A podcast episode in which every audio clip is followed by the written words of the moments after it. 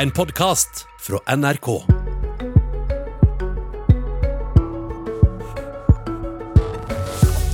Det blir strammere for deg som kommer etter meg, sier han som gir fra seg sitt siste budsjett til henne som skal ta det over og gjøre det til sitt eget. Finansminister Jan Tore Sanner møter nestleder i Arbeiderpartiet Hadia Tajik.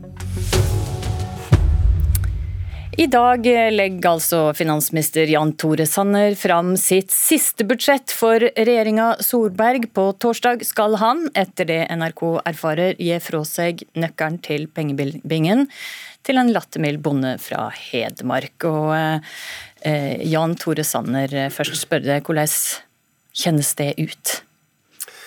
Eh, det er eh, selvfølgelig en spesiell eh, situasjon. Eh, jeg har jobbet med statsbudsjettet i et eh, helt år og mener at det er et veldig godt statsbudsjett. Samtidig så føles det også godt å kunne overlevere en økonomi som er i bedre stand enn det vi overtok. Vi har nå vært igjennom det største tilbakefallet i norsk økonomi siden andre verdenskrig. Nå kan vi si at den økonomiske krisen er bak oss. Ledigheten går kraftig ned. Faktisk så er det færre helt ledige enn det det var før krisen. Eh, og hvis du ser på sysselsettingsandelen, så er den på det høyeste nivået blant bosatte i Norge siden 2012. Og Dette er viktig, for det betyr mye for folk, men det betyr også mye for oss som, eh, som samfunn. Så ja, det er en spesiell situasjon, eh, men det føles også veldig godt å kunne overlevere både et budsjett og en økonomi når pilene peker i riktig retning. Men du legger altså fram dette siste budsjettet til Solberg-regjeringa i dag, på din nest siste dag som finansminister.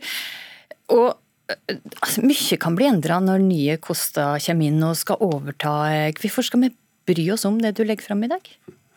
Jeg så at en økonomiprofessor i dag eh, mente at 98 eh, av budsjettet mest sannsynligvis kommer til å ligge, ligge fast.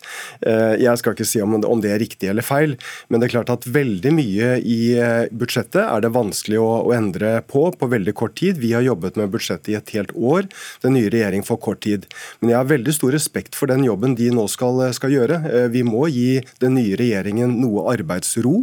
De skal i løpet av veldig kort tid se se hva kan de endre på for å fylle opp eh, sin, eh, sin, eh, sin plattform. Ja, bare, men, hvor, men det er ingen tvil. Hvor kort tid da?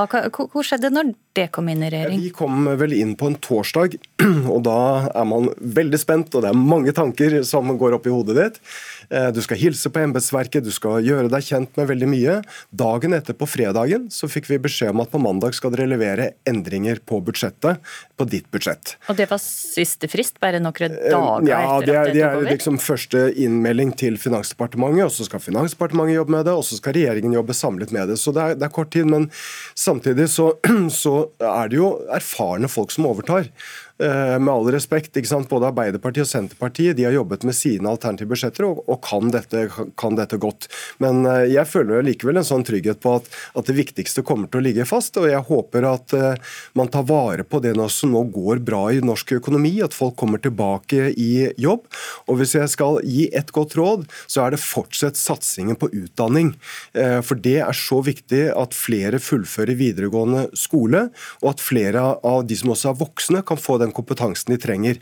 For det, det, vi nå ser, eh, det er at vi har gått fra en situasjon hvor vi har vært faktisk i en ledighetskrise, eh, til at bedriftene mangler arbeidskraft.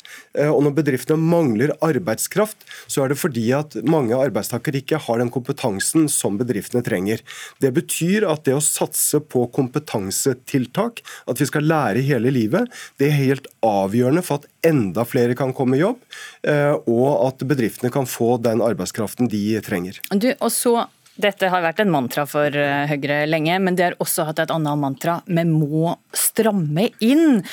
Og, men de siste åtte åra har vi ikke sett så mye til innstramminga. Er det dagens budsjett der du endelig skal oppfylle dette løftet til kommende generasjoner, eh, akkurat når du er på vei ut svingdøra?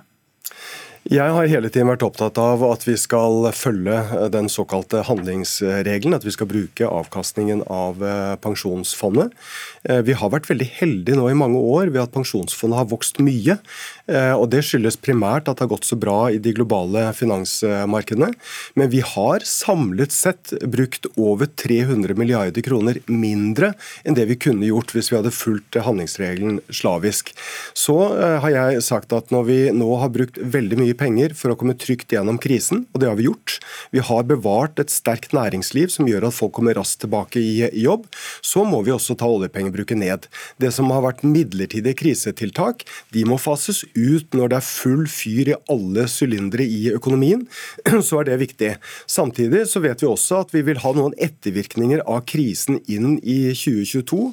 Særlig blant langtidsledige, folk som har slitt med psykiske helseutfordringer, og de som har, ikke har, som har mistet verdifull skole, skoletid. Så vi må ha, faktisk ha to tanker i hodet samtidig. Svaret på spørsmålet ditt er at eh, ja, det blir mindre handlingsrom på budsjettene fremover, men vi må også sørge for eh, at de som har båret den tyngste børa i denne krisen, de skal vi også hjelpe eh, inn i neste år. Hadia Tajik, nestleder i Arbeiderpartiet og kommende minister i den nye regjeringa, eller kanskje parlamentarisk leder for Arbeiderpartiet på Stortinget. Du, kan vi ikke bare først avklare hvilken tittel vil du vi skal bruke på det framover? Det får vi nesten se. Først, eh, altså Ting må jo skje i rett rekkefølge her. I dag skal jo dagens regjering legge fram sitt eh, statsbudsjett. De skal søke avskjed. Så skal det legges fram en eh, plattform for en ny Arbeiderparti-ledet regjering. Og så skal regjeringen dannes, så vi får ta de tingene i den rekkefølgen skal skje. Okay. Du, nå hører vi Sanner snakke om ansvarlig pengebruk eh, framover. Er det viktig, og han har også sagt tidligere, at dette budsjettet her ligger innenfor handlingsregelen. Er det viktig for Arbeiderpartiet, når det skal ta det over, og også ligge innenfor 3% slik regjeringa nå legger opp til? Altså, I og med at ting må skje i riktig rekkefølge, så tror jeg også jeg har lyst til å si eh, takk til Jan Tore Sanner for at han har vært finansminister i det som òg har vært en ganske krevende tid for landet. Eh, det forstår jeg at det ikke bare har vært enkelt. Eh, når men når du får en ny Arbeiderparti-ledet regjering, så er jo vi òg nødt til å se på det budsjettet som eh, han og dagens regjering legger fram. Vurdere det økonomiske handlingsrommet, og da ta stilling til hva som er den fornuftige oljepengebruken.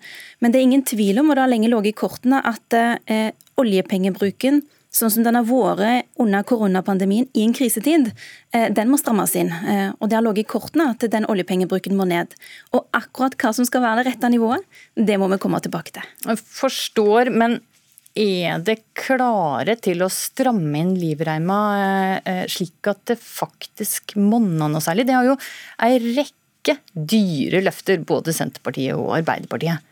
Arbeiderpartiet er et parti som er opptatt av eh, trygg økonomisk styring, og det kan man stole på både når det er vanskelige tider som under koronapandemien, der vi bidro òg i opposisjon til å sørge for eh, gode ordninger for arbeidstakere og selvstendig næringsdrivende som opplevde en ganske tøff tid, men ikke minst nå når vi skal danne en ny regjering og det er en behov for at man ser annerledes på norsk økonomi.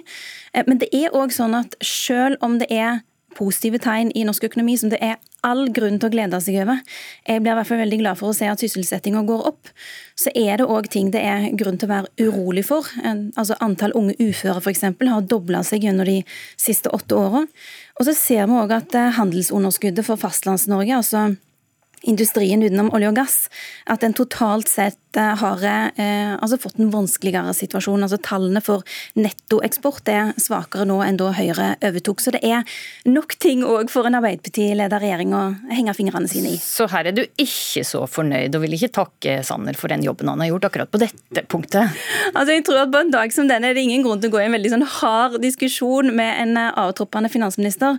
Eh, det er all grunn til å være takknemlig for at eh, vi er et land som klarer å ha både siviliserte maktskifter, men òg at man klarer å samarbeide på tvers av partier når det er tøffe tider for landet, sånn som vi har gjort i deler av koronahåndteringa. Eh, et konkret spørsmål. I Dagsnytt i dag så har vi hørt at kommunene får 2 milliarder kroner ekstra i frie inntekter i dette budsjettet. 3,2 milliarder i varige auka skatteinntekter. Det Arbeiderpartiet har jo lenge sagt at kommunene er sultefòra. Vil du fortsatt si det med de påplussingene du hører om nå?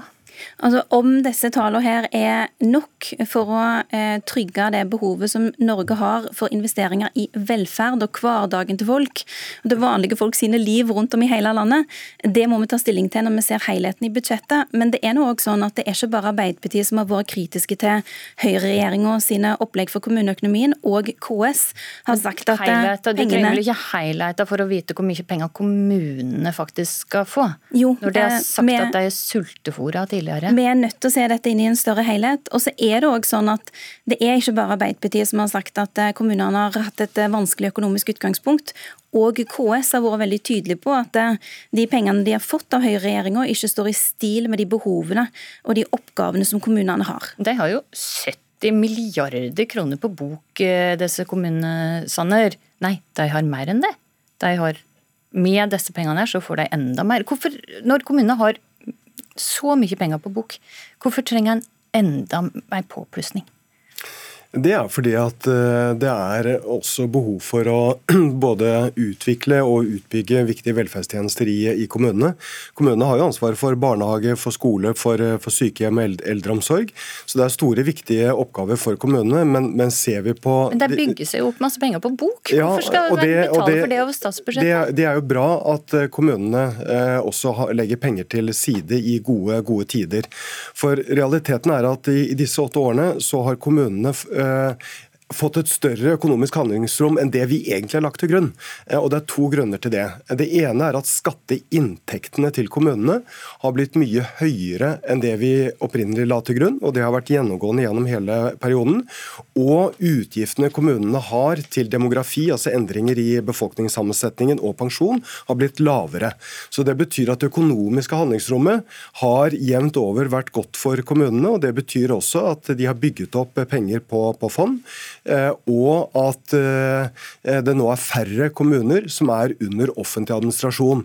For Hvis de ikke klarer å holde styr på pengene, så kommer de på det vi kaller for Robek-listen. Mm. Og nå er det veldig få kommuner der. Så er det selvfølgelig unntak fra dette, fordi at kommunene er, er forskjellige. Men det store bildet eh, er at kommunene har hatt gode rammer til å bygge ut og trygge velferdstjenestene til innbyggerne. Altså, situasjonen til kommunene er veldig ulik. Noen har store disposisjonsfond, mens andre de sliter med den vanlige driften. Og så vet vi at det er ganske store investeringsbehov knytta til skole, til helse, til eldreomsorg. Og vi vet òg at kommunenes gjeld er firedobla i tida fra 2000 til eh, 2017. Sånn at bildet er nok ikke så entydig som Jan Tore Sanner her forteller. Og det er ingen tvil om at kommunenes økonomi over lengre tid har vært ganske pressa med tanke på de oppgavene som de har. Ok, Jeg vil innom ett tema til eh, for eh, Hadia Tajik. Altså, Vi er på vei ut av pandemien, og Sanner har tidligere sagt at eh, de økonomiske krisetiltakene for næringslivet de skal nå fases ut. Men det har sagt at de skal fortsette fram til nyttår. Hvilke konkrete ordninger er det som det vil at skal fortsette fram til nyttår? Det er først og fremst ordninger som retter seg direkte mot arbeidstakere og mot selvstendig næringsdrivende. Sanner Sanne har rett i at vi nå er på vei inn i en mye mer normal hverdag enn det vi har hatt gjennom det siste året. Men det er viktig at vi ikke glipper noe på oppløpssida, sånn at folk blir unødvendig oppsagt, eller at overgangen til en mer normal hverdag blir mer brå enn nødvendig. Så høyere dagpengesats, kompensasjonsordninger for næringslivet, lånegaranti garantiordninga som Sanner vil avslutte i oktober, de kan du garantere for næringsliv og arbeidstakere, de vil fortsette fram til nyåret. De ordningene det er snakk om, er de som retter seg til arbeidstakere og selvstendig næringsdrivende. Og det, altså bare spør reiselivet i Norge om de opplever at det er normal hverdag. Veldig mange vil kunne fortelle at de ligger med bookinger som er langt lavere enn det de er vant til i en normal situasjon. Spør kulturlivet hvordan det er de opplever at situasjonen er. Det er ganske mange rundt om i hele landet vårt som trenger litt mer tid for å komme seg på beina. Og Arbeiderpartiet vil òg avvikle koronatiltakene, men vi vil gjøre det sammen med partene i arbeidslivet. Og vi vil sørge for å gi arbeidsfolka i hvert fall tida ut 2021 eh, med å kunne klare å komme seg på beina. Og det er viktig når det har eh, vært og fortsatt er en vanskelig situasjon for mange, at fellesskapet stiller opp. Ok. Du, der må jeg si tusen takk for at eh, det kom til Politisk kvarter på denne viktige dagen i norsk politikk. Finansminister Jan Tore Sanner og Arbeiderparti-nestleder Hadia Tajik. Hovedtallene fra budsjettet de kommer nå straks klokka åtte. Deretter blir hele budsjettet lagt frem klokka ti. Etter finanstalen i Stortinget så kommer Erna Solberg på talerstolen og skal si at hennes regjering søker avskjed. Og i morgen så kommer plattformen fra Arbeiderpartiet og Senterpartiet-regjeringa. Så her er det bare å følge med. Men denne sendinga er slutt. I studio i dag, Astrid Randen.